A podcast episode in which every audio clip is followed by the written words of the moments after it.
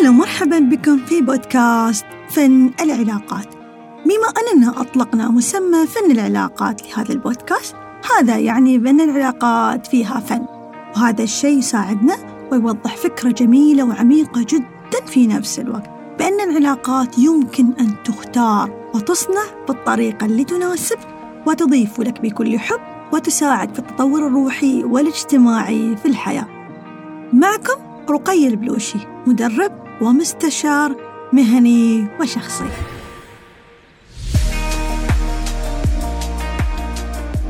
سوف نتطرق في هذه الحلقة بعلاقة الشخص مع عائلته. تعتبر عائلتك من المحيط الأول يعني الأسرة الأبناء الوالدين الأخوان الزوج الزوجة. من أقوى الروابط لذلك لربما هي تؤلم وتجرحك أكثر كذلك وفي نفس الوقت يعتبرون الأول والأهم لك في هذه التجربة الأرضية.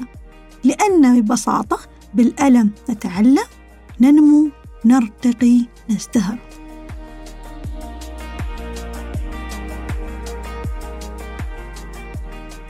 وسبب هذه الآلام هو درس التشافي. لا يوجد منا شخص أو كائن لا يتطلب منه التشافي في موضوع ما في صدمة ما قصة محزنة جرح عميق أو غيره من المواضيع.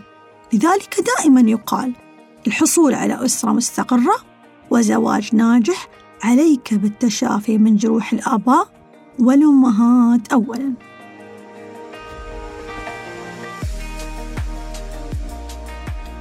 وببساطة لتتعرف ما هي قصة حياتك في الخمس سنوات القادمة راقب أقرب ثلاث أشخاص في حياتك اليوم.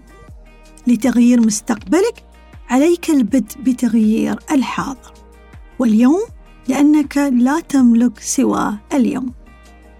لا يمكنك الابتعاد كليا عن الأهل. طبعا كما ذكر في أحد الحكم الصينية الرائعة فلا شيء في الطبيعة يعيش لنفسه النهر لا يشرب الماء والأشجار لا تأكل ثمارها والشمس لا تشرق لذاتها.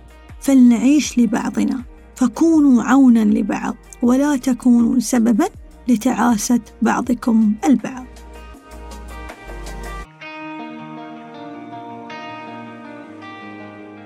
لذلك راحتك تكمن في حدود الصحية السليمة.